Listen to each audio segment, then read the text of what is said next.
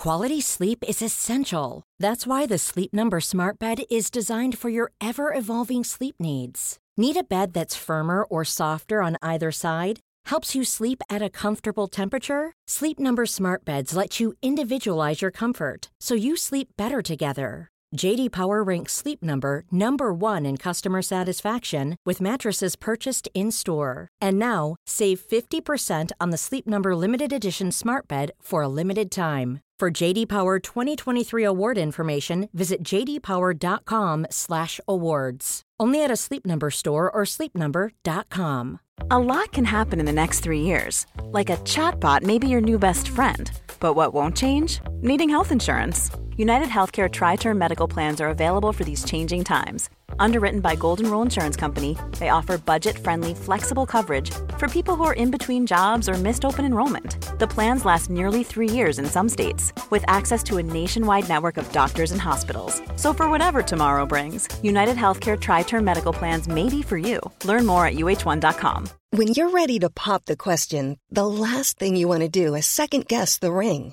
At Bluenile.com, you can design a one of a kind ring with the ease and convenience of shopping online. Choose your diamond and setting. When you find the one, you'll get it delivered right to your door. Go to Bluenile.com and use promo code LISTEN to get $50 off your purchase of $500 or more. That's code LISTEN at Bluenile.com for $50 off your purchase. Bluenile.com code LISTEN. Veckans sponsor är Telia. Hos Telia samlar man mobil, bredband, IT-support, mobilväxel, allt som gör företagande enkelt. Och det är just det här att samla allt på ett ställe, att ha någon att vända sig till när det inte fungerar, det är Telia. Ett exempel på vad som inte är Telia, det är ju som när jag lyckas boka förmötet för en poddinspelning med Finansinspektionen till efter själva inspelningstillfället. Eller när jag här, här året var liksom, fick för mig att jag skulle börja springa, så jag är liksom ute och springer taggad, träffar en kompis som säger så du Jan, på måndag ska jag springa ett lopp. Och jag känner så här, ja men det låter inspirerande, så jag käkar pasta, jag byter om, tar mig ner till Malmö stadion för att göra en efteranmälan, står där i kön och sen så när jag liksom anmäler mig så tittar de på mig och säger så här, du Jan, vårhuset är bara till för kvinnor. Och eh, det var, det var typisk en situation som inte är Telia. Oavsett, ett stort tack till Telia som sponsrar, gör Rika Tillsammans möjligt, men framför allt tack till dig som lyssnar, följer och eh, hänger med oss varje vecka. Per år eller? Totalt. Totalt? Forever. Forever? Va? Alltså jag trodde det var per år. Du lyssnar på Rika Tillsammans-podden som handlar om allt som är roligt med privatekonomi. I den här podden får du varje vecka ta del av konkreta tips, råd, verktyg och inspiration för att ta ditt sparande och din privatekonomi till nästa nivå på ett enkelt sätt. Vi som gör den här podden heter Jan och Caroline Bolmesson. Idag är det dags för avsnitt 98 Mm. och idag har vi en gäst, Sören Andersson, som, och vi kommer att prata om eh, klimatet och det här klimathotet och det som gör skillnad och kanske att liksom vi behöver börja kalla en spade för en spade. Mm. Och vi har ju varit inne på detta innan i avsnitt 74 om klimatsmart sparande. Att till exempel då en indexfond har tre Mm. ton eh, koldioxid. Och nu kommer vi prata om det från ett forskningsperspektiv Mm. och eh, inte minst titta på det här TED-klippet med Greta Thunberg. Och sånt. Japp. Så kanske inte ett så ekonomiskt eh, i avsnitt som handlar så mycket om ekonomi eller som är så inspirerande, utan mer Nej. lite allvarligt. Ja, fast kanske ett av de viktigaste avsnitten som vi gör, Ja, kan jag tänka mig. ja Mm. särskilt, särskilt för oss som har barn och kanske vill leva på den här Mm. eh, planeten. Så jag tänker vi släpper på intervjun med eh, Sören Andersson från thefuture.se. Mm. Och detta är ett lite längre eh, avsnitt, så jag hoppas, eller vi hoppas att du gillar.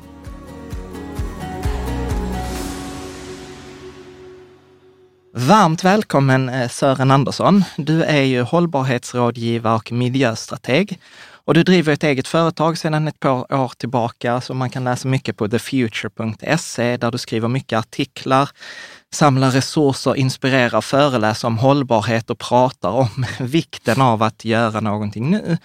Och jag hittade också en beskrivning där det stod så här att du är possibilist eh, och en generalist med verkligen så med en passion för en, eh, för en hållbar värld. Så jag tänkte, är det något du vill lägga till i presentationen? Nej, egentligen inte. Det, det, väl kanske inte, det spelar väl kanske inte så mycket roll om hur ens historia ser ut. Det är väl framtiden som är det viktiga. Va? Ja, precis. Eh, Mm. Men, men hur, hur kom, för det är egentligen det vi ska prata om mycket idag, framtid och liksom mm. utifrån det här klimat eh, och hållbara perspektivet. Hur kommer det sig att du blev intresserad av de här frågorna? Jag har jobbat eh, massor med år, fler än man vill säga egentligen, men eh, i byggbranschen i olika roller och sådär. Och bland annat har jag jobbat på Ikea som Global Construction Manager några år flög runt i världen och försökte få folk att bygga likadana blåa stora lådor. Mm. Och där någonstans börjar, börjar man väl fundera lite grann på det här, att den här resursanvändningen, mängden, när man har 300 varuhus, vad händer då när det blir ännu fler varuhus och så vidare? Och ungefär då var väl mina barn i nedre tonåren kan man säga. Och man börjar fundera på lite, räcker det? Kommer det liksom fungera och hålla på så här? Finns det några begränsningar? Och då hade man ju börjat se dem och jag hade väl inte läst det jättemycket med, om det, men jag har hållit på mycket med energifrågor och sånt här. Och ja, halkar väl in på detta lite grann. Började läsa mycket om det. När var detta ungefär? Början 2000, mm. någonstans där. Vet inte riktigt exakt när det kom ju så här lite pö om pö eller lite mm. grann allt eftersom. Och sen blev det väl att jag började jobba mer med det och även i de rollerna jag hade då. Eh, så blev det mer, mer intressant att se life, life cycle-analyser. Vad, vad händer? Hur länge använder vi saker? Mm. Man hittar alla de här fakta. Man, man ser Al Gores film, när, den första som kom där, så blir man ju helt matt. Va? Mm.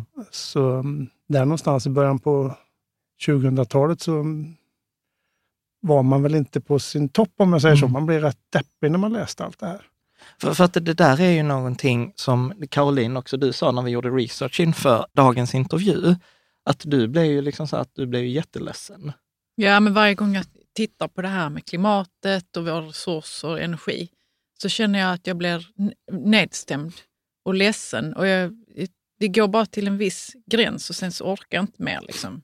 Mm. För att det blir för mycket att ta in, att det är vi som har ställt till det. Mm. Och kommer vi kunna lösa det? Liksom? Nej, men det, mm. alltså, och jag tror att, jag tror inte att det liksom, vi kan inte hoppa över den fasen. Va? Eh, det är många som, liksom, man har hållit på i många år och sagt liksom att vi ska inte prata för, det får inte vara för jobbigt, va? då orkar vi inte ta det och så vidare. Mm. Men jag tror inte vi kommer vidare om vi inte gör det. Vi Nej. måste få en liten smäll i huvudet om man säger så. Eh, och få känna att detta är jättejobbigt. Va? Mm. För att, menar, sen, sen, kan man inse då att, ja, kommer vi kunna göra något åt det? Mm. Nej, inte allt kanske. Mm. Men vad är alternativet då? Mm. Att köra på och se hur länge det håller. Ja, det kanske vår generation kanske klarar det. Men våra barn, mm. vad händer sen? Men du, det är inte alla som tror att det är en klimatkris. Är, är det en klimatkris? Definitivt. Mm. Definitivt. Mm, det gjordes ju en undersökning i, jag kommer inte ihåg vad den heter, jag har den nog på min hemsida någonstans. Det gjordes en undersökning där man tittar hur svenskarna tycker om det här. Och då kom jag fram till att det var lite blandat naturligtvis. En del är ju, ja, precis som alla sådana här kurvor som det är de som verkligen tror på det, de som hänger med lite grann. Och sen de här skeptikerna då. Eh, och det man såg där var ju 3 procent ungefär av svenska befolkningen tror ju inte att det är ett problem. Tror knappt att det är en kris. Mm. Det är 300 000 människor. Mm. Jag tycker det var så talande. Jag hörde igår, hade någon i, i Storbritannien man intervjuat Greta Thunberg. Och de har ställt ungefär samma fråga. Hur, hur hanterar du, hur svarar du de här skeptikerna? Och hon svarar, det gör jag inte. Nej. Frågan är om framtiden ska styras av de som är skeptiker. Eller utav de som tror att vi kan göra något åt det. De som vill. Jo, men det finns absolut en poäng i det. Att man kanske inte ska fokusera så mycket på skeptikerna. Och det är lite konstigt, ibland kan man tycka det är konstigt när man ser intervjuer på tv och sådär. Så då, då är det ungefär som att man visar att vi måste ha en skeptiker och en som, är, ja, som tror på det här. Då. Som om det vore styrkeförhållandet om vi säger så. Det, alltså det, det är Nej, men det är inte styrkeförhållandet, men det blir, man, man behöver kanske göra så för att Nej, fast inte jag, bli anklagad för att ja, men det är vinklat eller något Ja, men annat. det är det, det är som det ju blir- ändå. men- liksom. men jo, det- men då det- blir ju vinklingen åt andra hållet. Va? Mm. Eftersom om det nu är 3 procent, då skulle det suttit 97 stycken som tror på det och tre som inte tror på det. Mm. Då hade det liksom blivit någon form av balans om man säger så. Va? Men Mm. istället så får vi, får vi så att säga de få skeptikerna som fortfarande finns, så får ju de orimligt mycket plats. Va? Mm. Mm. Men det, det vi pratade om att man tror på klimatkrisen eller att man inte tror på det. Men det är liksom ingen åsiktsfråga egentligen, utan det är vi, man har visat det Ja. eh, med forskning att det är Mm. klimatkris Det- alltså- som pågår. Det finns hur mycket som helst. Va? Man kan bara rada upp det. Och det finns, det finns dessutom hur mycket som helst som så att säga, bemöter den skepticism som ändå finns. Som Mm. ju kanske i Sverige inte är så stark. Men om man tittar på USA eller andra länder där man liksom nästan är handgriplig. Mm. Det investeras ju otroligt mycket pengar i att ja, svärta ner de som då pratar om de här frågorna Det egentligen. finns en marknad som måste pågå. Mm. Vi kan inte hålla på med någon klimatkris då. Ja, precis. Nej, men det finns jättemycket pengar i att, att vara skeptisk. Mm. Mm. Men, men jag, jag, tänk, jag tänker där, eh, för att eh, en av dem, du har ju på din hemsida där, thefuture.se, så resurser och en av de första klippen du har där var ju med då Greta Thunberg Mm. som du pratade om, som är ju den här, hon är väl tonåring, 15, 16, 16, 16 är hon, mm. eh, som skolstrejkar, började skolstrejka. Och eh, det var ju roligt för att varken nu, trots att vi tycker ändå vi är ganska intresserade av de här frågorna, har inte sett det. Nej, vi eh, har inte TED- sett Greta Thunbergs TED-talk. eh, förrän, förrän nu inför Mm. det här avsnittet. Mm. Och det var ju liksom intressant, för både du, jag såg det först ju, och jag satt framför datorn och grät. Eh, och sen kom du och såg den och du blev också liksom väldigt eh, berörd. Så jag tänker, för, för att jag tror att de flesta har nog inte sett det, så jag tänker faktiskt att vi kan klippa in det här. Det är el-. Mm. Det är 11 minuter långt eh, och det, är- tyvärr är det på engelska, men det är också ganska talande att eh, det är översatt till hur många språk som Mm. helst, förutom till svenska. Ja. Alltså, alltså det, det är så svårt att vara profet i sitt Nej. eget land. Det är det verkligen. Va? Jag var uppe, eh, uppe i Stockholm och var vid Mynttorget två veckor innan valet. Mm. och fick en chans att bara byta några ord med, med Greta. För det stod två stycken tv-team i, Mm. i kö och väntade och få intervjua henne. Eh, och jag frågade henne lite, bara lite snabbt då, eh, vad tycker du om det här och uppmärksamheten och det här? För mm. med, med hennes bakgrund så förstår man ju att hon, hon pratar bara när hon tycker det behövs. Mm. Mm. Och hon är väldigt rak, Mm. otroligt tydlig. Eh, så jag frågade henne, liksom, vad tycker du om allt det här med tv-teamen och allt det här? Ja, så hon, hon tyckte det var så konstigt. För de svenska teamen som trots allt hade varit där, de hade mest ställt frågor i stil med, ja, hur tycker du det ska bli nu då att träffa Arnold Schwarzenegger? Och eh, hur upplevde du det när du fick sitta där tillsammans med mm, Antonio Guterres, FNs eh, generalsekreterare? De frågar nästan ingenting om det hon faktiskt sitter Alltså där och strejkar för. då? Nej. Nej, nästan inte alls. Va? Ja. Nej. Och det är väl, Symptomatiskt. Hon tyckte att det var konstigt. Ja. Mm. Ja, Ja, det- det, tycker vi kanske också. Men Ja. vi, ja, det är någon slags kändis-starstruck-nation vi lever i. Eller? Ja, Jag lite jantelag sådär. Va? Att du ska inte tro att det är något. För att Ja. du, och jag tänkte på det själv nu, i morse när jag satt och drack kaffe. Tänkte på det själv, vad gjorde jag själv när jag var 16 år? Ja. Det ska man inte ta upp i ett sånt här tillfälle egentligen. Va? Ja, det är i alla fall så att jag fick ju inte lovord av Barack Obama. Nej. Det kan man ju lugnt säga. Mm. Så jag förstår inte och den kritiken och den, det Ja. finns ju nästan en hatstorm då i vissa kretsar mot henne också. Va? Ja.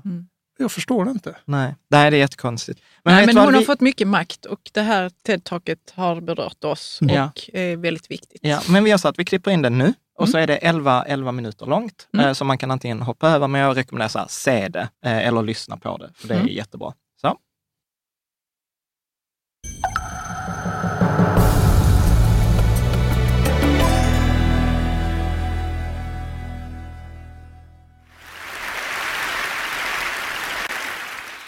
When I was about eight years old, I first heard about something called climate change or global warming. Apparently that was something humans had created by our way of living. I was told to turn off the lights to save energy and to recycle paper to save resources.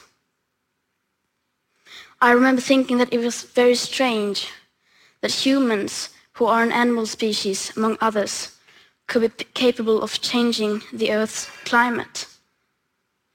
Because if we were, and if it was really happening, we wouldn't be talking about anything else. As soon as you turn on the TV, everything would be about that. Headlines, radio, newspapers. You would never read or hear about anything else. As if there was a world war going on. But no one ever talked about it. If burning fossil fuels was so bad that it threatened our very existence, how could we just continue like before? Why were there no restrictions? Why wasn't it made illegal? To me, that did not add up. It was too unreal. So when I was 11, I became ill. I fell into depression. I stopped talking and I stopped eating. In two months, I lost about 10 kilos of weight. Later on, I was diagnosed with Asperger's syndrome, OCD, and selective mutism. That basically means I only speak when I think it's necessary. Now was one of those moments.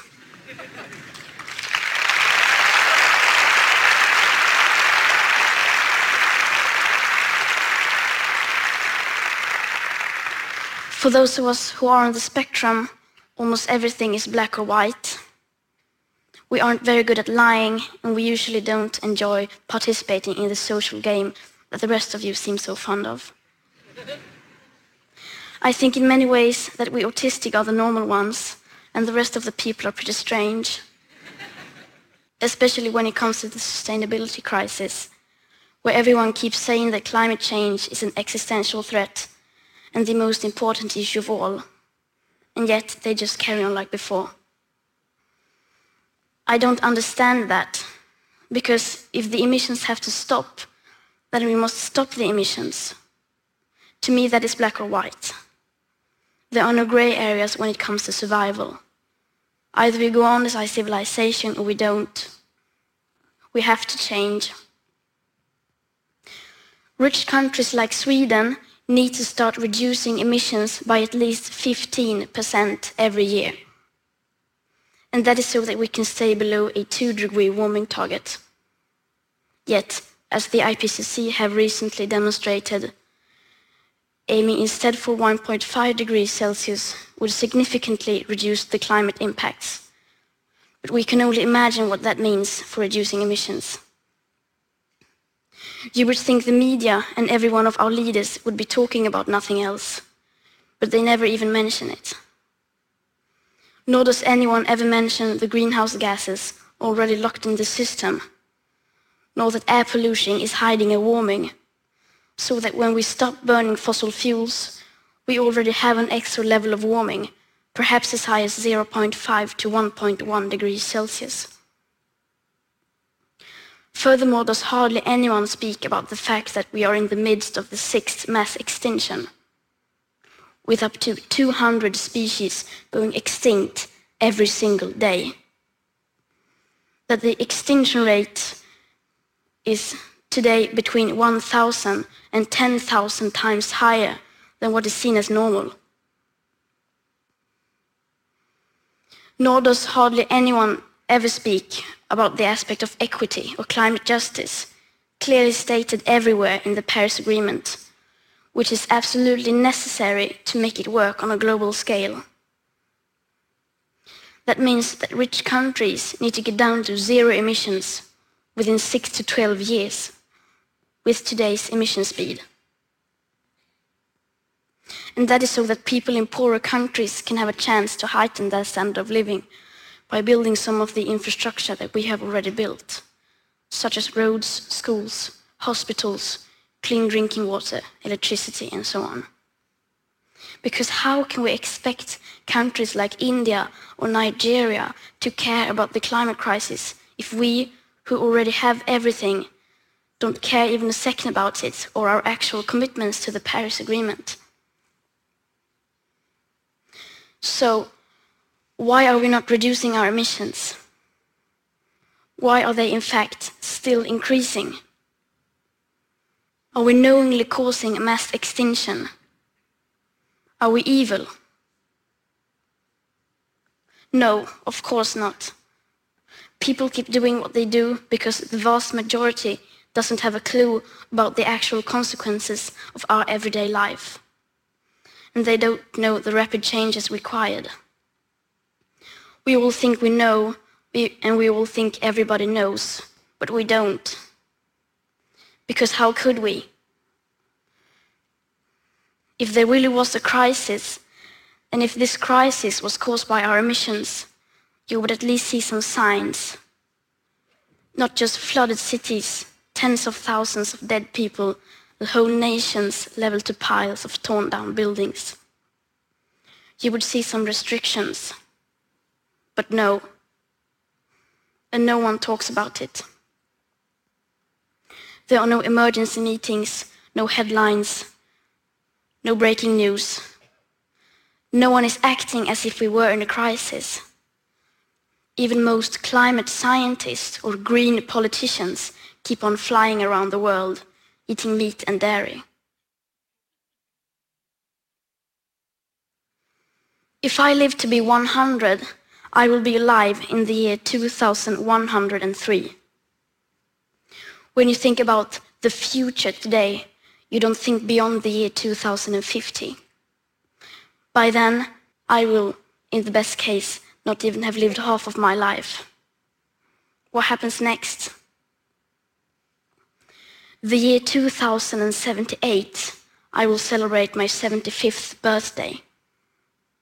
If I have children or grandchildren, maybe they will spend that day with me.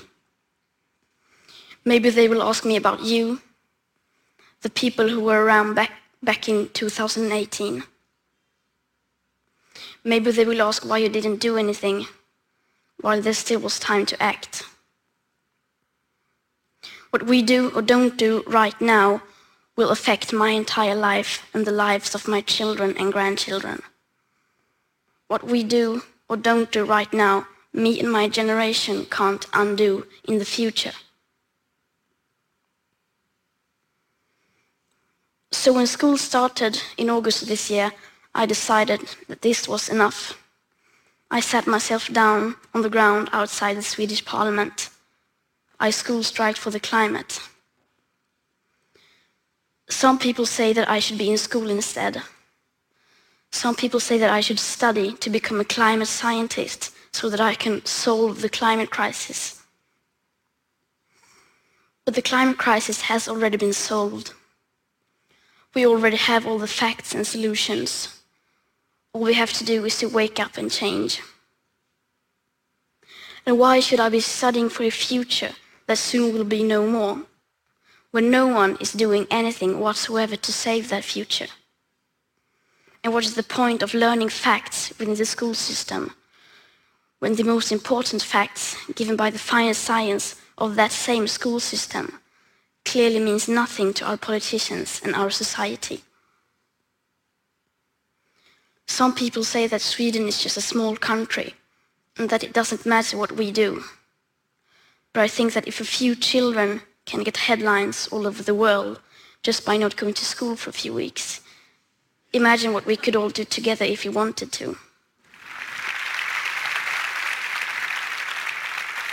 Now we're almost at the end of my talk. And this is where people usually, people usually start talking about hope. Solar panels, wind power, circular economy, and so on. But I'm not going to do that. We've had 30 years of pep talking and selling positive ideas. And I'm sorry, but it doesn't work. Because if it would have, the emissions would have gone down by now. They haven't. And yes, we do need hope. Of course we do. But the one thing we need more than hope is action. Once we start to act, hope is everywhere.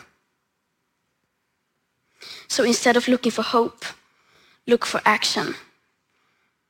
Then, and only then, hope will come.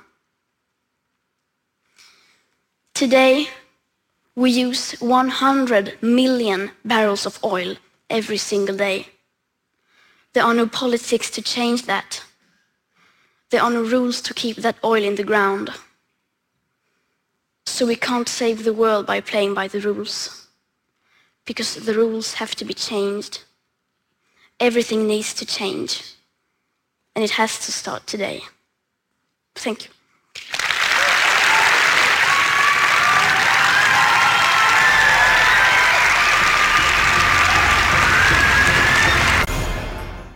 Vad, vad, eh, vad tog du med dig, eller vad, vad gillar du mest i hennes TED-talk?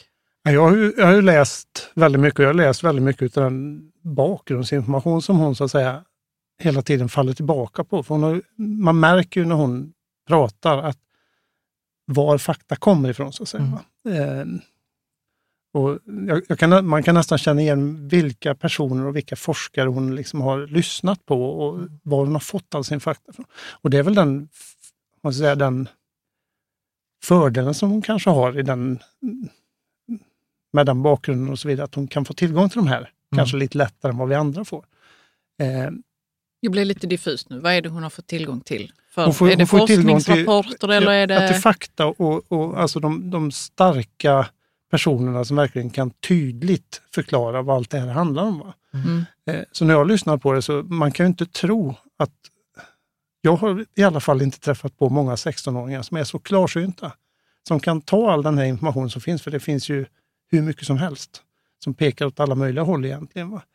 Och, och liksom konkretisera det och bli så tydlig i det man säger. Va? Det är helt otroligt. Jag skulle inte klara av det själv. Va? Man önskar att man själv kunde liksom sätta sen, ihop men sen så beskriver hon ju också att hennes personlighet är så att det blir väldigt tydligt svart eller Mm. vitt. Och det är också det hon, hon... eh, Alltså det som jag tar med mig är att det är ganska svart och vitt Mm. i den, den här frågan. Det finns inte så många nyanser av eh, överlevnad. Mm. Liksom.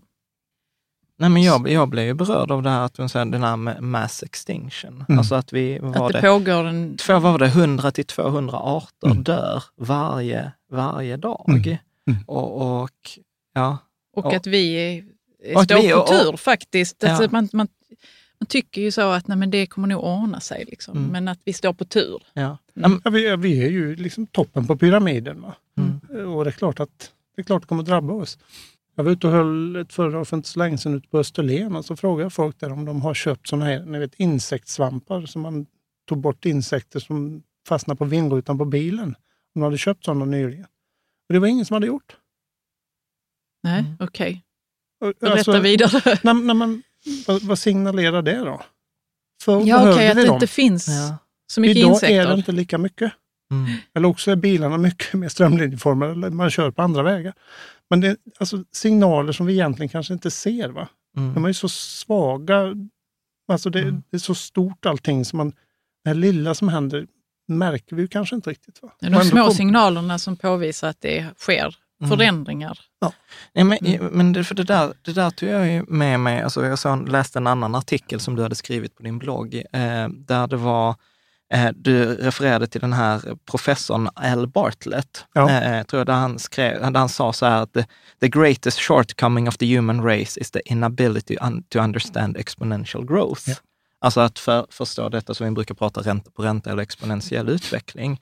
Och han hade ju det här exemplet med filmen med bakterien. Mm.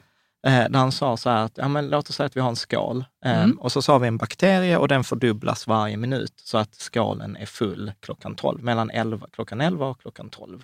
Så en timme senare är den full. Och då, då sa han så här, liksom en jättespännande fråga, så här, när är den halvfull? Mm. Och då säger de flesta, säger så här, ja men typ 11.30, alltså när halva tiden eh, Ja. har, har gått. Det är liksom det spontana svaret. Men, men det, det blir det ju inte, utan den är ju halvfull en minut i tolv. Ja, Alltså innan in- den är full. Då. Precis, Mm. inför den sista dubbleringen. Mm. Och, och sen så sa han också så här, ja men om man då är en genomsnittlig bakterie, när inser man att man håller på att bli av med sitt utrymme Mm. att, liksom, att leva i den här skalen? Mm. Och då tänker man också så här, ja, ja, men det inser man väl eh, efter eller kanske halva tiden. Men det är det ju inte heller, utan om den är full, halvfull en minut innan tolv, då är den i 25 procent två minuter innan. Och tre minuter innan, ja, då är det 90 procent av utrymmet kvar. Och, och det där blev för mig så talande. Mm. Det blir väldigt tydligt när man, in, man inser inte det förrän det inte finns mer plats. Ja, jag tycker det är intressant för han har, hela, hans, han, hela det här föredraget som han håller, eller höll, han, han är död. Eh, det finns ju inspelat som man kan se, jag tror det är sex delar eller någonting. Och det är ju, det är ju inför någon universitetsklass. Mm. Eh, och han beskriver då, där detta då är ett av inslagen så att säga. Och där har han ju då också, så han beskriver den staden som de befinner sig i. Mm. Hur den skulle växa då, enligt det som man säger att ja, vi ska inte ha så mycket tillväxt, bara en 3% per år eller sådär. Mm. Och så visar han då liksom bilder som vad det skulle innebära. Vilket innebär att liksom x antal år längre fram så skulle den här lilla staden vara större än Los Angeles. Mm. Mm. Och inte ens då sitter ju alla de här studenterna egentligen liksom, Nej. hallå? Ja. Nej, men, och, och- och det är väl det som jag känner så här, att, liksom så här att vi, vi, fatt, eller så här, vi, vi är på väg genom den här tunneln och vi ser, ett möte, och vi ser ljuset på andra sidan. Problemet är att det känns som att det är tåg Ja. och inte, och inte, Inte- liksom änden på tunneln. Mm. Men om, kan inte du bara så här, om du skulle sammanfatta problematiken, vad, vad skulle du säga, vad, vad är liksom, hur ser du på utmaningarna? Ja, jag, så, så, som jag ser det idag så, så håller vi på alldeles för mycket med vad ska jag säga, lullull runt omkring. Det är ingen som riktigt vågar eh, ta upp den tunga frågan. Vi vågar inte ställa det i relation till vad som är viktigast för oss. Vi, vad är det som är viktigast? Ja, Om vi bara först och det. främst att vi kan överleva. Mm. Men det är ingen som liksom får det till den kritiska punkten. Va? Utan de allra flesta förutsätter att vi ska kunna fortsätta så som vi gör. Mm. Kanske bara lite mindre skadligt på något sätt. Va? Men man inser inte att det, för, det, förhän- det förändrar allt. Och i och med att vi inte liksom ser det och, och eller Bartletts tanke då, så sitter vi och försöker göra lite småsaker här och där. Va? Och en sån där typisk grej, ni vet den här, man brukar ju se en bild över hållbarhet där man har liksom de här tre olika aspekterna med Mm. miljön, samhället och ekonomin. Mm. Och de ritar man som lika stora ringar och när de överlappar då är det hållbart. Mm. Men det säger ju ingenting om vilken ordningsföljd som gäller. Mm. Jag menar, om inte planeten klarar sig, planeten klarar sig, men om inte vår livs, våra livsvillkor på planeten kan fortsätta, så är det andra helt lönlöst. Mm. Det Det är är som att putsa att- silver eh, när man är på väg ner med Titanic. Lite grann så. Kommer jag ihåg att det var ett citat från en känd film. Jo, men det kommer till mig så ofta. Putsar jag silver nu eller vad är det jag sysslar med? Ja. Ja, men det, den är ju väldigt bra. Va? Mm. Och att det här att vi då liksom tror att, att ja, men vi kan fokusera på det här och det här. Men när varje beslut vi tar egentligen måste säga liksom, hur hjälper det oss att se till att våra livsvillkor kan fortsätta på planeten? Mm. Ja, och om- helst också för alla andras, eh, alltså organismers livsvillkor. Absolut. absolut. Det, Men visst är vi ihop. oss själva närmast, så är det ju. Ja. Men, men detta, detta är ju så superspännande, för det var ju så här jag hittade dig. Mm. Eh, för jag minns inte, men jag hamnade på din, din artikel som var den här, jag tror titeln var så här, klimatkompensation är vår tids avlatsbrev. Mm. Och jag som liksom är intresserad av de här klimatsmarta och hållbara, för jag blev så här, gud äntligen någon som också säger att kejsaren är naken. Mm. För att jag, jag gissar till exempel att klimatkompensation, hoppas jag är en av de där grejerna som du säger är lullull. Ja, det, det är ju kanske en av de, jag ska inte säga de, de värsta, för man kan väl inte ranka det så, men, men det är ju verkligen lullull. Men kan du inte beskriva vad är det för någonting? Klimatkompensation och varför är det lullull? Det, det finns ju många, vad ska säga, många varianter på hur man beskriver detta. Men grundtanken är väl att man på något vis ska kunna släppa ut och så ska man på ett annat ställe göra det ogjort, Mm. ungefär. Va? Mm. Det är bara det att det funkar ju inte så. Man kan säga, jag såg nu i dagarna var något stort resebolag som eh, går ut och säger att man kompenserar allting. Mm. Men utsläppen fortsätter ju. Mm. Det händer ju ingenting. Man, och så betalar man då pengar till att man någon annanstans, kanske istället för att bygga ett kolkraftverk, kan bygga ett vindkraftverk eller något sånt där istället. Ja, men grundfelet händer ju ändå. Vi måste Ja, men så minska mår man utsläppen. lite bättre. Ja, man gör man kanske ju. mår bättre, men planeten mår ju inte ett dugg bättre. Mm. Nej. För problemet är att vi måste minska och vi måste minska väldigt fort. Mm. Och då hjälper det liksom inte att hålla kvar och fortsätta så som vi gör. Mm. Kan, man kan likna det vid annan droghandel om jag säger så, Mm. eller missbruk. Låt oss säga att du köper knark till mig. Mm. Men så får du lite dåligt samvete, så du ber Caroline, jag, Jag betalar dig, du betalar Caroline för att hon inte ska köpa mer knark till mig. Mm. Blir jag hög då eller inte? Ja, det är väldigt talande. Ja. Och ännu värre om du hade köpt ut till dina barn. Men så får du dåligt samvete och så börjar Caroline att "Nej, här får du pengar, köp inte mer till dem. Blir de fulla då? Ja, det fortsätter ju. va. Det hjälper ju inte. Pengatransaktionen är ju inte planeten intresserad av. Mm. Det är bara samvetet som är intresserad av den. Mm. Men problemet med det är ju att det intalar ju folk att ja, men om jag reser med just dem, alla de stora flygbolagen står ju dessutom i, i begrepp att gå på det här Corsia, Mm. det stora systemet som liksom ska kompensera all flygning. All, all den här kompensationen, det får ju det att låta ungefär som att ja men det är okej, Mm. bara fortsätta flyg. Se här, du Det är lite det. kosmetiken då. Mm. Liksom. Det är ett Och det är försäljningsargument. mycket kosmetik kan jag säga. För att Ja. det, jag menar, när ett helt reseföretag som väl säljer mycket flyg, och, om man Mm. ett helt sånt här säger att allt de gör är kompenserat. Mm. Så bara fortsätt ni. Mm. Det löser ju ingenting. Va? Mm. Det skjuter ju bara fram Och samtidigt som du säger, det är ju, man hamnar på plus minus noll om det nu är så att man kompenserar Ja, för- så mycket som man säger. Men man, vi behöver ju minska det ju. Jo, men de kompenserar ju inte ens. Va? Nej, Utan de- det eh, det jag, vet inte, jag förstod inte det, att de inte kompenserar. Nej, utan de för- säger för att de tar, gör det. De tar inte, om du släpper ut här, Mm. Så det de gör där tar ju inte bort det. Nej, det gör det inte. Det har ju fortfarande hänt. Nej, men det är ändå som att man tänker så, ah, men då är det plus minus noll. Är du med på vad Jo, jag tänker? jo, ekonomiskt tänker man så. Ekonomiskt, ja. Men planeten är ju ingen ekonom. Nej. Planeten reagerar på de Ja. utsläppen som sker. Men, men jag tänker så här, du, du, jag, kan, jag kan verkligen ha empati också, för jag har sett genom dina artiklar hur du liksom hela tiden återkommer till det här och du hade liksom en artikel där du gick igenom det väldigt så här forskningsmässigt. och sen var det det är så här, med vår tids avlatsbrev. Ja med men precis, nej, men hur det är ett slutet system. Och Ja. sen så kändes det som så att du i desperation i en annan artikel, på, okej titta här, nu har vi en balja med vatten.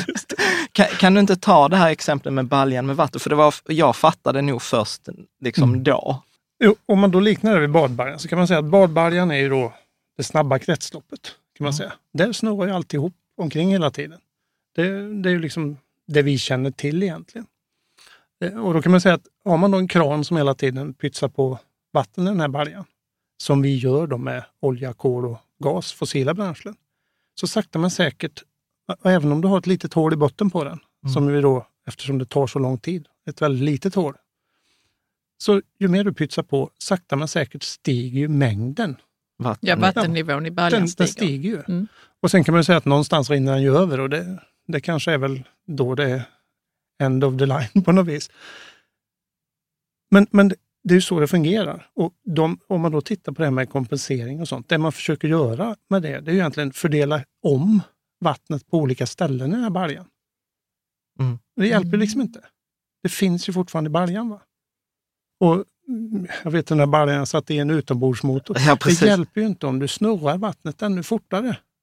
Så länge du pytsar på fossil koldioxid kommer ju nivån i baljan ändå att stiga. Va? Mm. Och att, att då liksom försöka lösa det genom någon slags ekonomisk transaktion, att det på något vis skulle... Att flytta vattnet från den ena delen i baljan till den andra. Så funkar det inte riktigt. Va? Mm. Det enda vi möjligen kan påverka lite grann eftersom kol finns i liksom allt ifrån fast form till gasform till Mm. förekommer på så många olika sätt. Det är ju möjligen kan vi liksom tänja lite på baljan. Mm. Att den rymmer lite mer eller lite mindre beroende på vilken form den har om vi säger så. Mm. Mm. Men om vi liksom inte stoppar tillflödet kommer den ändå rinna över. Va?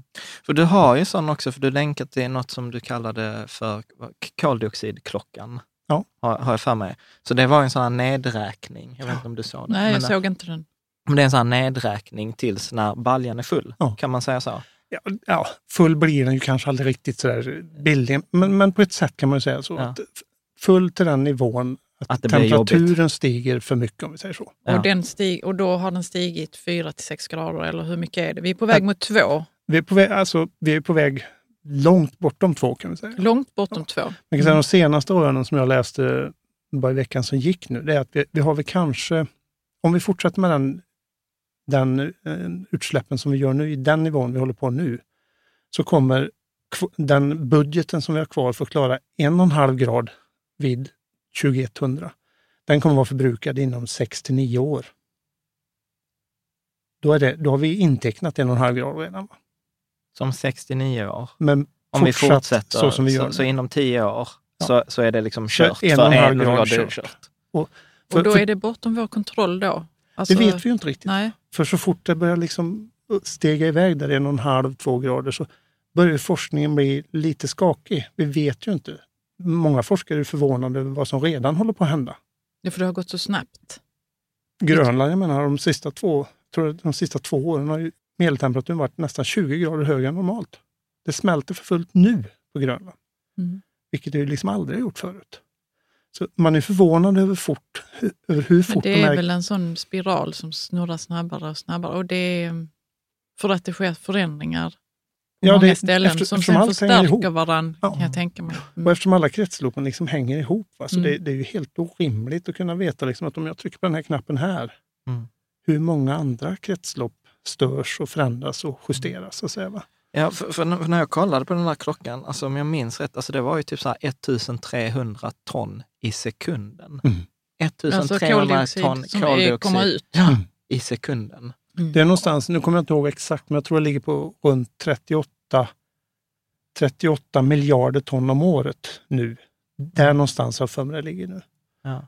Eh, och det är alltså ofantliga mängder. Va?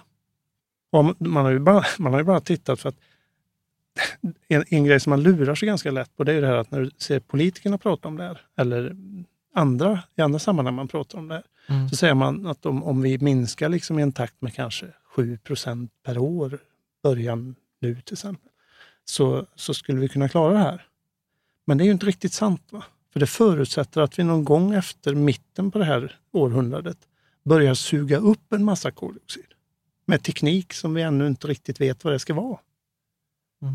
Och Nej, och det kan man inte förutsätta att det ska komma. Nej, Nej. men det gör man. va? För man Mm. vågar, inte, man vågar egentligen inte säga den tuffa sanningen. va? Mm. Och, och Skulle vi då spara med 7 procent, ja då skulle vi alltså bygga en massa konstiga tekniska vidunder som på något vis kan plocka bort koldioxid Mm. i en otrolig mängd. Men jag tänker att vi ska bara så runda av det här med klimatkompensation. Eh, För du, du har också citerat, jag tror att det var en klimatforskare som heter Kevin Anderson, där, skrev, där han sa så här. Offsetting, alltså klimatkompensation, is worse than doing nothing. It's without scientific legitimacy. It's dangerously misleading and almost certainly contributes to a net increase in the absolute rate of global emissions growth. Det är ju ord och inga visor. Att det är värre att hålla på med klimatkompensation än än att, att inte göra någonting för att det finns liksom ingen eh, forsknings... Man blir lurad kring att nu grund. så gör vi något så att nu är det lugnt. Då kan man ändå fortsätta som vanligt. Ja. Man, man kan ju ta det så enkelt. Va? Och, och, låt säga att du har ett företag, och ett stort företag, och du organiserar din verksamhet efter så som vi gör idag. Vilket innebär att man kan flyga omkring och ha möten och alltihop sånt här. Kommer det att ändra sig om man hittar på ett sätt att man kan köpa kompensation för flygresorna till exempel? Nej, då fortsätter man ju så. Va? Om det istället vore så att, att vi kan inte det längre. Mm. Vi måste halvera eller göra, ta ännu mindre. Då hade man behövt ändra sig. Hade inte organisationen ändrat sig då? Mm. Hade man inte valt att organisera sitt företag på ett annat sätt? Hade man inte Mm. valt att bedriva sin verksamhet kanske på ett annat sätt?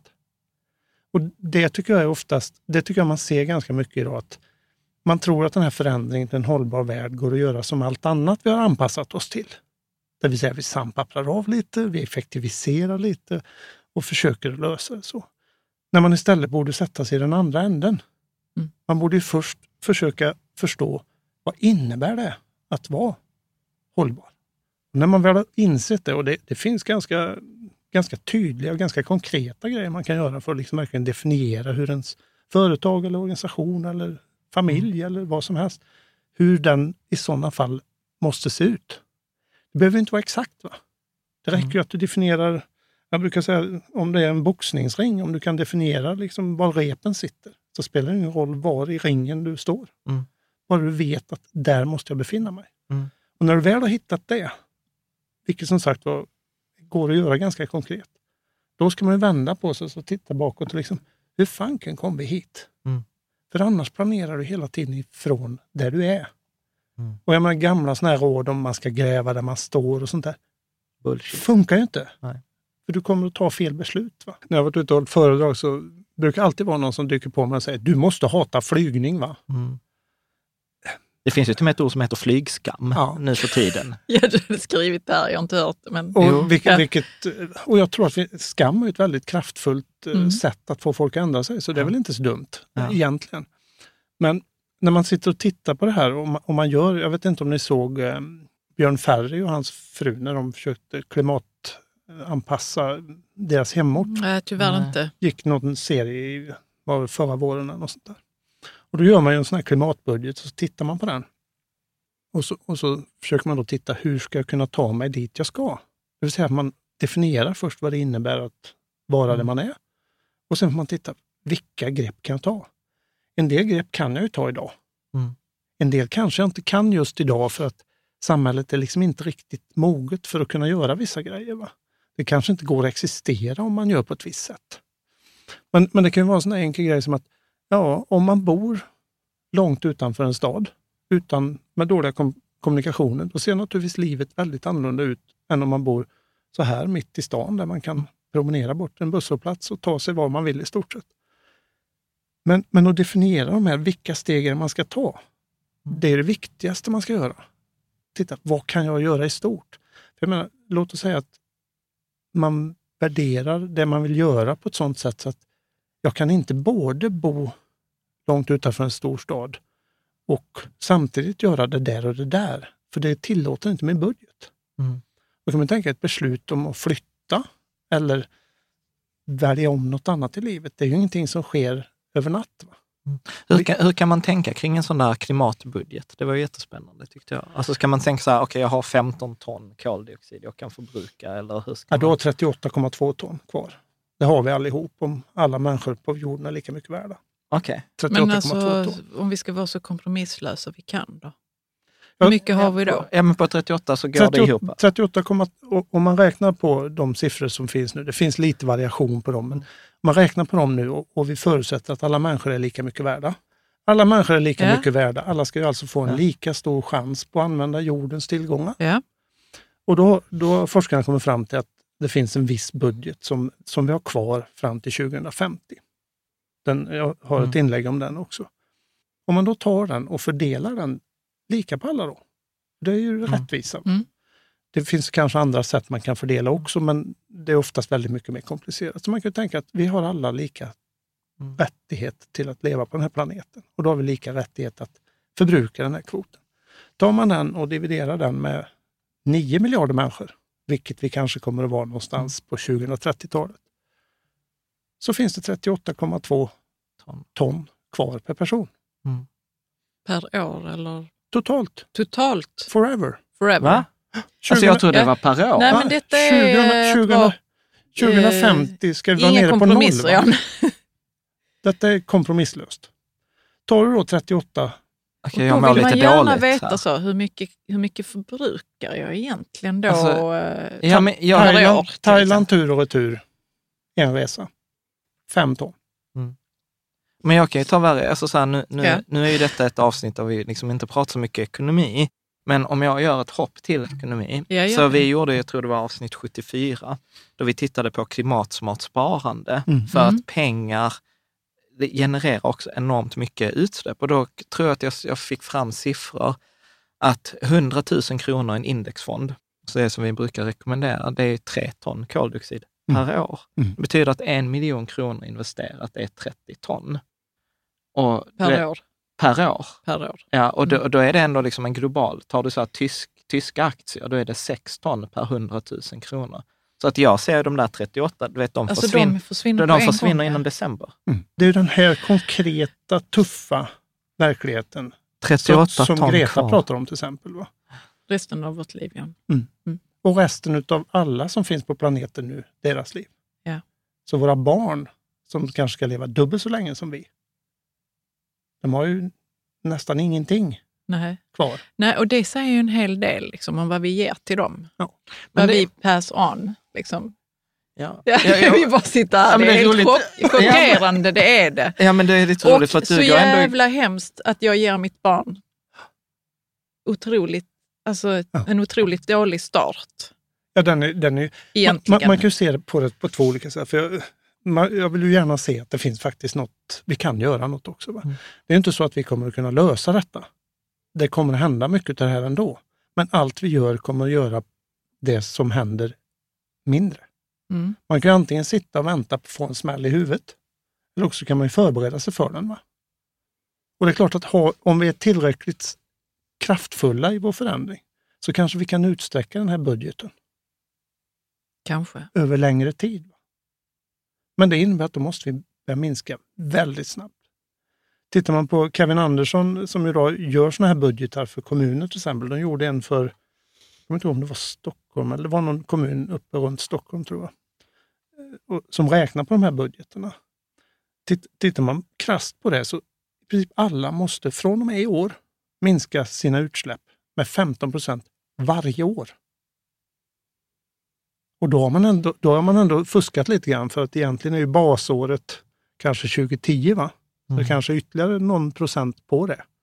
Som man ska minska. Mm.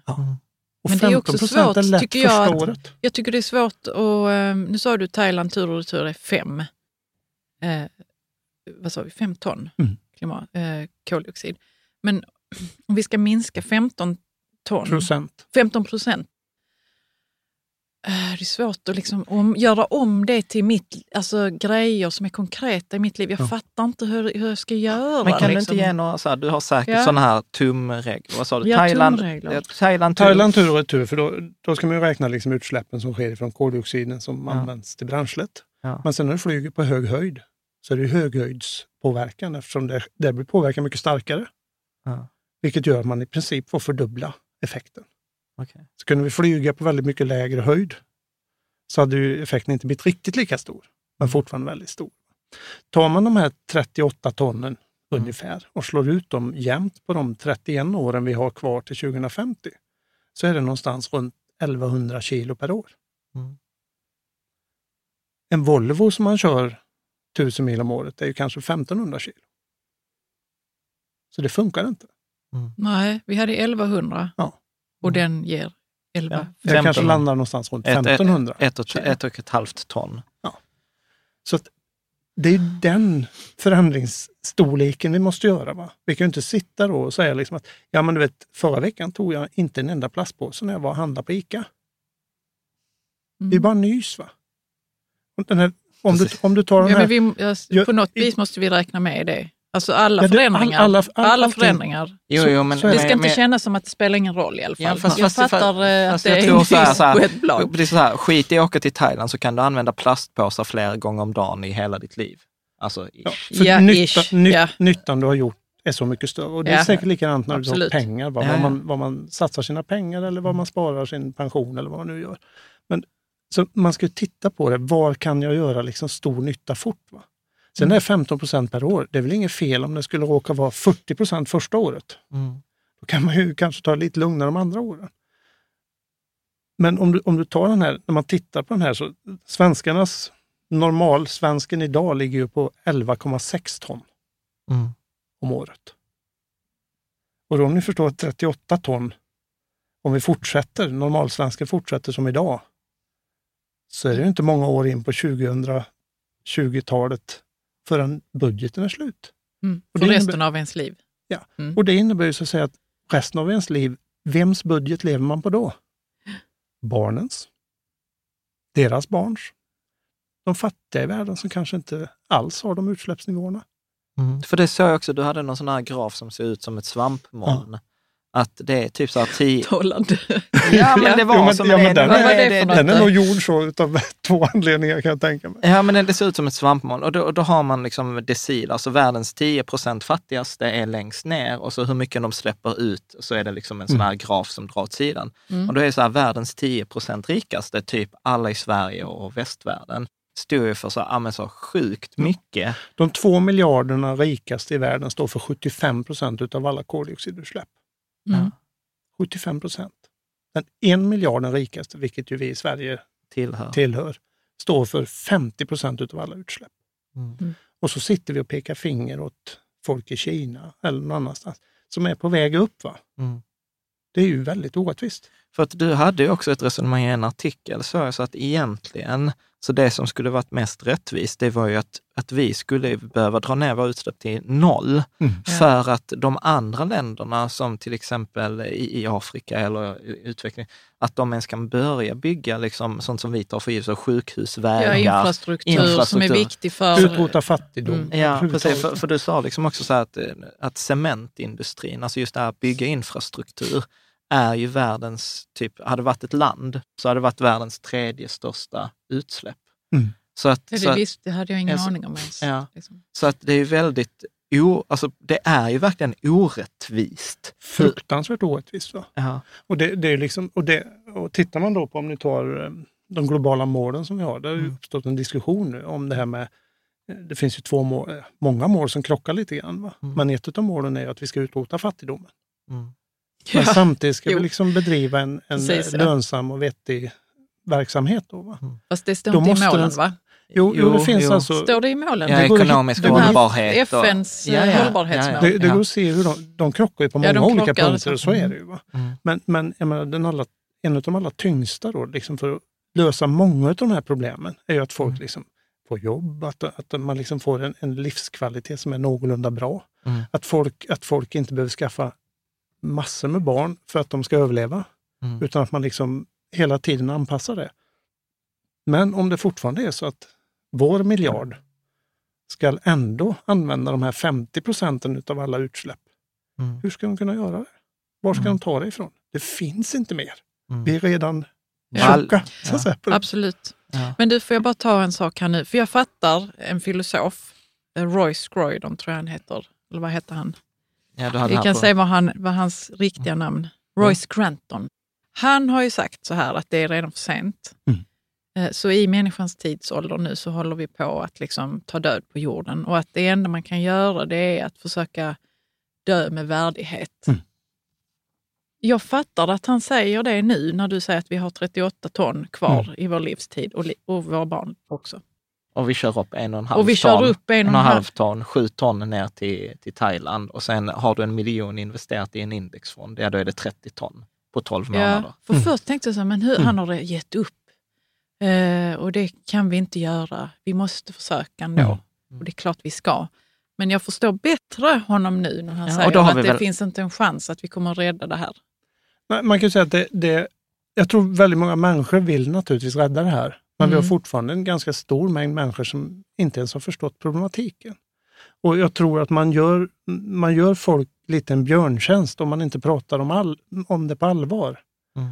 Istället så hör man liksom på tv, "Ja, det är inte bra det här med flygskam eller att vi ska känna oss nedtryckta utav att det är jobbigt där.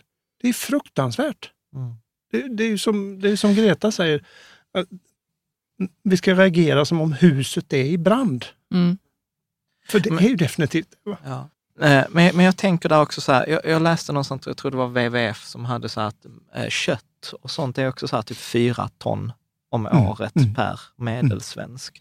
Det var väl den här, där, det var faktiskt så här att intresset för mig, eller så här insikt i rätt sak eh, på rätt sätt, det var när jag såg den här filmen Cowspiracy, Mm. som du också hade lagt ut. Gud, jag, jag har inte sett hela ens för jag började gråta mitt Mm. i. Ja. Nej men där var ju också så här den här killen, vet han duschade på 30 sekunder. Jag som gillar duscha länge och så här, shit han duschar på 30 sekunder. och sen så visar han liksom så här, ja och sen käkar jag en hamburgare till lunch. Hade jag skitit i att käka hamburgaren till lunch hade jag kunnat duscha hur länge som helst. Eh, hur det här vi gör. Liksom. Att det kostar, eh, vissa grejer kostar mer klimatmässigt än andra. Ja, men alltså, det hamburg- är oproportionerligt, nästan som man inte fattar Ja, men liksom. hamburgare var väl var så här, typ några hundra liter vatten Ja. för att få fram en hamburgare. Ett par jeans är ju kanske 10 000 liter vatten.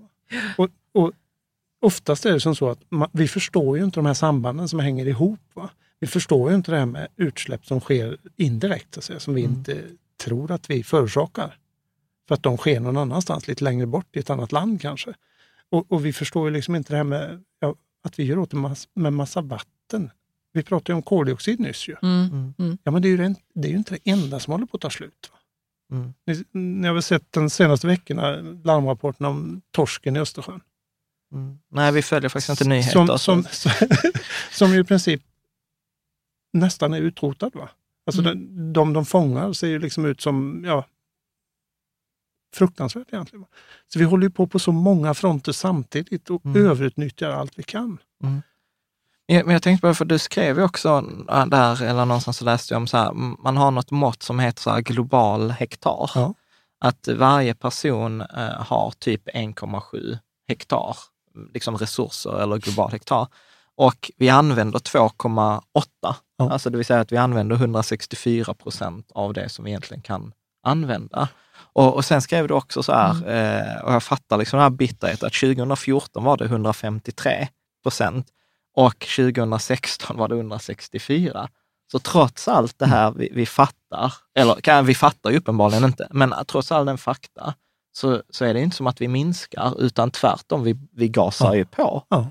Och det, det, det är ju lite grann så. Jag har skrivit ett, gjort ett annat sånt inlägg om det. Tittar man på det, FN och flera andra har ju gjort liksom simuleringar på detta. Vart är vi på väg? Vad kommer att hända? Och om man då säger att det på planeten finns 50 miljarder ton resurser per år. Det är någon sån här nyckeltal som man kan få fram till. Så ligger vi idag på en konsumtion på ungefär 77 miljarder ton. Det vill säga 160-170 procent över vad planeten kan leverera. Mm. Så en och en halv planet, Ja. give or take. Mm. Men är du svensk så är det ju fyra planeter. Mm. Alltså om man ska leva så som Mm. vi lever. Och, och det är klart att det, det, det fortsätter ju på det viset.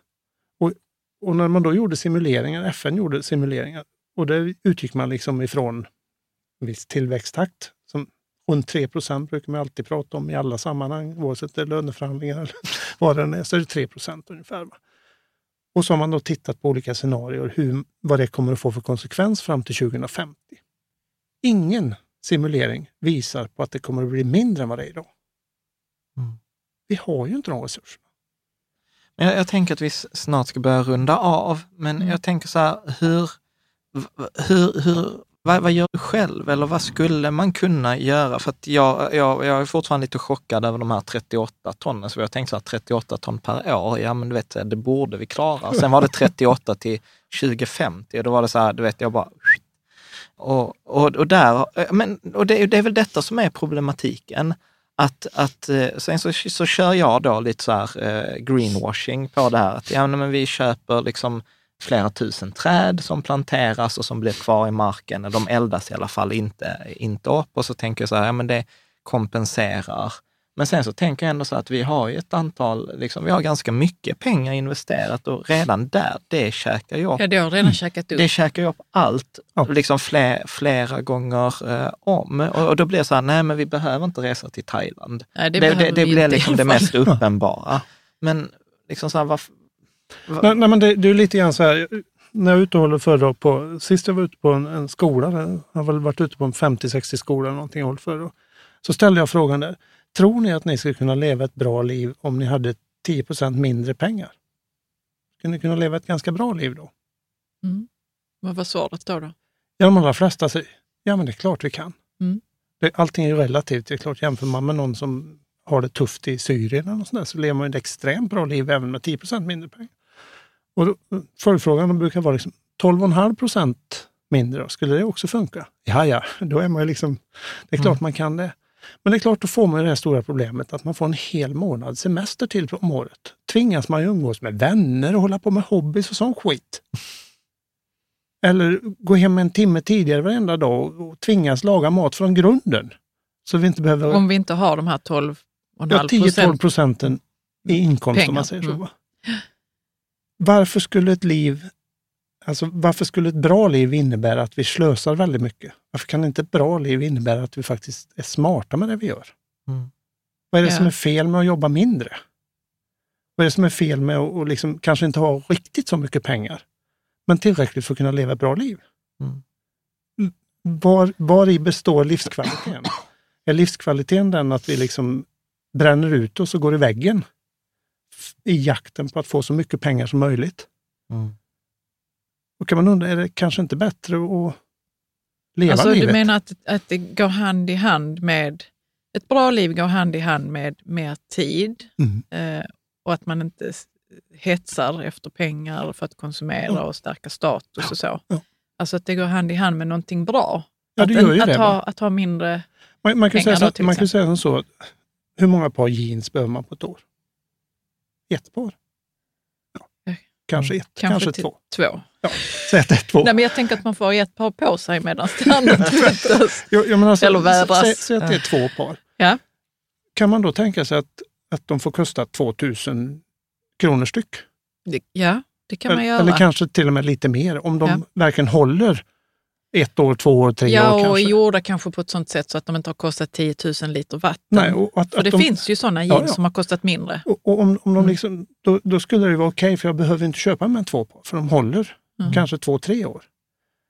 Om jeansen kostar 2000 spänn eller 2 500 spänn, skulle man ha råd att tillverka dem i Borås då? Som Mm. vi gjorde förr? Mm. Skulle folk med den inkomstnivån som vi har här faktiskt kunna jobba på en textilfabrik? Vet för att, inte, går det? Istället för att någon i Bangladesh ska jobba för en svältlön Mm. för att vi ska kunna konsumera fem par jeans om året. Allt, allt sånt här hänger ihop. va? Så jag menar, den här bättre livskvaliteten den kanske innebär att helt plötsligt finns det utrymme för mer verksamhet där vi är idag. Mm. Man kan ju bara titta, ta, ta det här med e-handeln som är i ropet nu. De 15 största containerskeppen på planeten släpper ut lika mycket föroreningar som alla bilar i hela världen. 15 stycken av dem.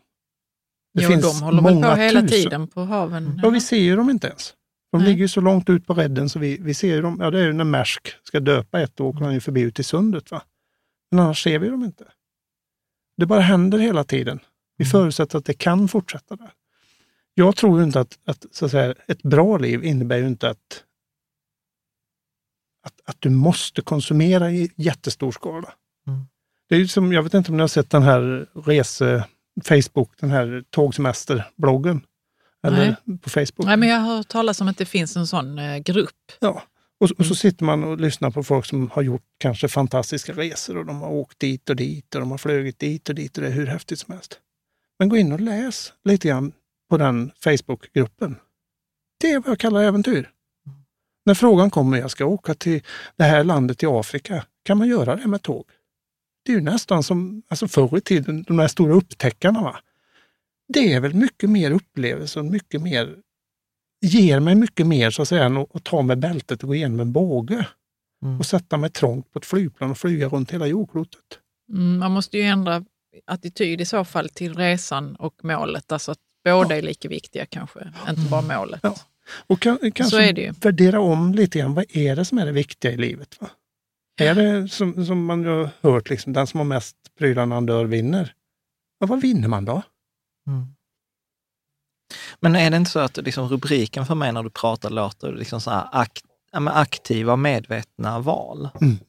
Och att kanske liksom tänka, tänka efter, att ha, och kanske våga ha de här svåra samtalen. Liksom. Ja, or, orka, alltså orka igenom det här för att, att man kommer att gå ner på botten, det är tveklöst så. Jag, jag var, tyckte det var jättejobbigt för några år sedan tillbaka. Va? Allting var ju liksom kolsvart. Men menar, det, antingen kan man ju befinna sig där och så vänta då på att allting går åt skogen. Eller också börjar man ändra på hur man lever och gör saker och ting. Jag har i princip slutat flyga. Jag har inte flugit på två år eller något sånt där. Och det är stora förändringar man behöver göra ju. Ja, men är den så stor? Det är ju bara... Ja, men jag tänker så här, jämfört med vad jag håller på nu, att jag går till ICA med en återvinningspåse, Mm. alltså att jag inte har- använder plastpåsar hela tiden. Så för mig mentalt det är det ju en stor grej att Ja. resa med tåg istället för flyg då till Ja. exempel, eller att inte äta så mycket kött. blir ju stort i början. Visst gör det? Och så kanske det gör ont lite grann innan man hittar rätt. Ja. Och det kan väl få vara okej då att det gör ont? Lite grann det gör innan det man balanserar det. Och, Det, det är lite grann som jag brukar säga att förändring är som en trappa. Va? mm. Det är liksom, varje steg måste man ju övervinna. Det finns ju liksom ingen hiss, utan det är en förändring. Va? För jag Men- tänker att, att den trappan försöker man ta så långsamt som möjligt nu och små trappsteg ska det vara. Det är så vi, vi hanterar klimatkrisen. Men det, kan, men det kan vara så att man behöver ta stora trappsteg och göra Mm. dem ganska snabbt istället för att lyckas med Mm. de här målen. Då. Ja, men jag, jag gillade ju det Greta Thunberg avslutade. Hon var så här, Mm. att när, normalt sett så avslutar man alltid så här med positivt och med hoppingivande. Hon sa, Ja. nej, jag, jag, Vi har gör- haft massa peptalk vi har, vi har haft massa peptalk, Ja. så vi behöver göra, all kunskap finns, Ja. alla möjligheterna finns. Och, och, och det handlar egentligen bara om att jag behöver ändra mitt beteende. Mm. Och jag ska ju säga så att jag känner mig inte på något jättebra ställe liksom när jag bara inser så här, ja, jag är ju det där toppen på det där svampmolnet. Mm. Och sen försöker jag rationalisera det helt för mig själv. Så här, nej men vi stödjer Trine till exempel som vi hade för, för i avsnitt 93 som gör så här solpaneler så att det inte eldas fotogen. Och ja, vi, vi ställer krav på liksom de, våra samarbetspartner, men så här, gör det klimatsmart. Men det känns ju ändå som att Det räcker inte. Nej, Nej, och att vi, och- och- det går ändå åt fel håll ju. Ja, utan, och det är väl, jag, har ju för mig att du skrev det också någonstans, att man, ska, man måste igenom de här olika faserna. Först liksom med sorg och förne, först är det ofta förnekelse, eller så här, man blir Men arg. är det inte där vi är, förnekelse? Jo, Må, äh, många är nog där Ja. fortfarande.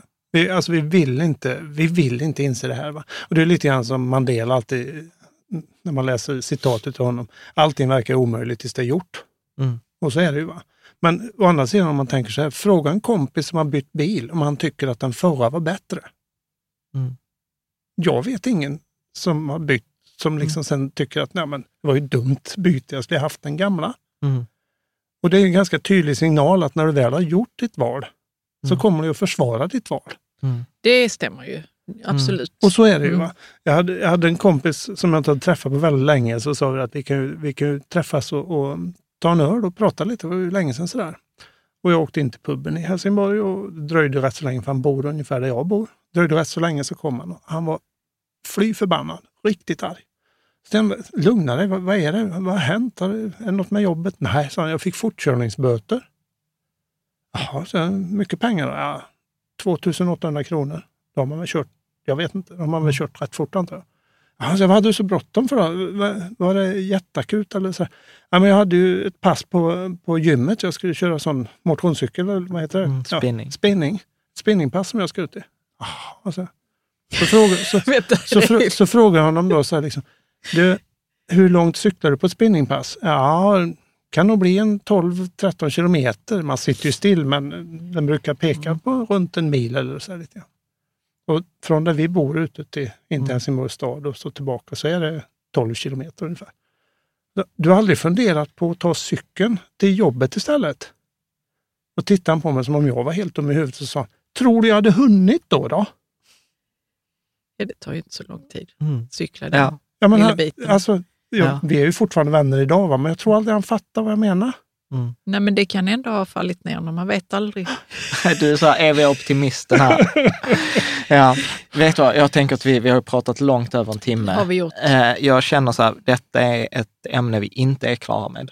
Eh, Absolut. Och det känns faktiskt på, på, på sätt och vis liksom ganska skönt att för en gång skulle inte sluta på en sån här tjoho, utan att nej men låt, låt detta vara liksom så här eftertänksamt. För mig har ju detta fått verkligen tänka så här, att detta kommer jag ju inte glömma, 38 ton, inte per år utan Nej, fram men till vi får 2050. sätta oss ner och kolla. Liksom. Ja, och göra, Titta göra detta, och särskilt, vår särskilt när vi har barn. Och, ja, och särskilt när vi har barn. Och, och jag, Elsa som inte ens är ett år, 138. ton resten av livet. och Resten sen av har, livet, precis, och sen har hon en Mm. pappa som eh, Om man liksom tänker tillbaka reser. på vad man själv har gjort då, fram till den åldern vi är i idag. Mm. Ja. Hur många ton har det gått åt där?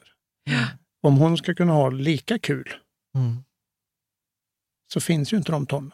Nej. De kommer ju få leva på en Nej, men hon bråkdel. kommer, ju ha, vi, vi kommer ju, hon kommer få ha kul på, på ett, annat annat, sätt. ja. Ja, Mm. Och vem är den som ska visa hur de ska ha kul? ja.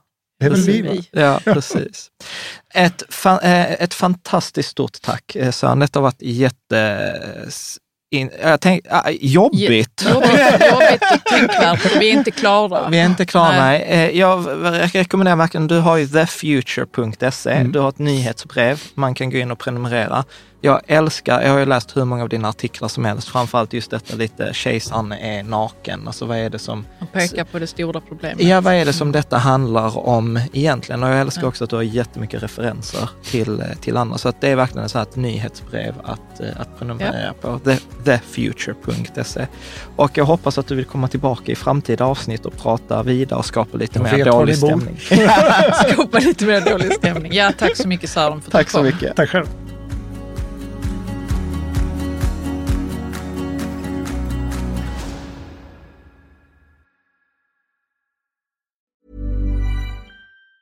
Planning for your next trip? Elevate your travel style with Quince. Quince has all the jet setting essentials you'll want for your next getaway, like European linen, premium luggage options, buttery soft Italian leather bags, and so much more. And it's all priced at 50 to 80% less than similar brands. Plus, Quince only works with factories that use safe and ethical manufacturing practices. Pack your bags with high-quality essentials you'll be wearing for vacations to come with Quince. Go to quince.com slash trip for free shipping and 365-day returns. Hi, I'm Daniel, founder of Pretty Litter. Cats and cat owners deserve better than any old-fashioned litter. That's why I teamed up with scientists and veterinarians to create Pretty Litter. Its innovative crystal formula has superior odor control and weighs up to 80% less than clay litter. Pretty Litter even monitors health by changing colors to help detect early signs of potential illness. It's the world's smartest kitty litter.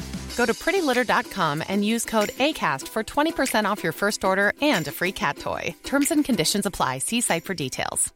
Mom deserves the best, and there's no better place to shop for Mother's Day than Whole Foods Market. They're your destination for unbeatable savings, from premium gifts to show-stopping flowers and irresistible desserts. Start by saving 33% with Prime on all body care and candles. Then get a 15-stem bunch of tulips for just $9.99 each with Prime. Round out Mom's menu with festive rosé, irresistible berry chantilly cake, and more special treats. Come celebrate Mother's Day at Whole Foods Market.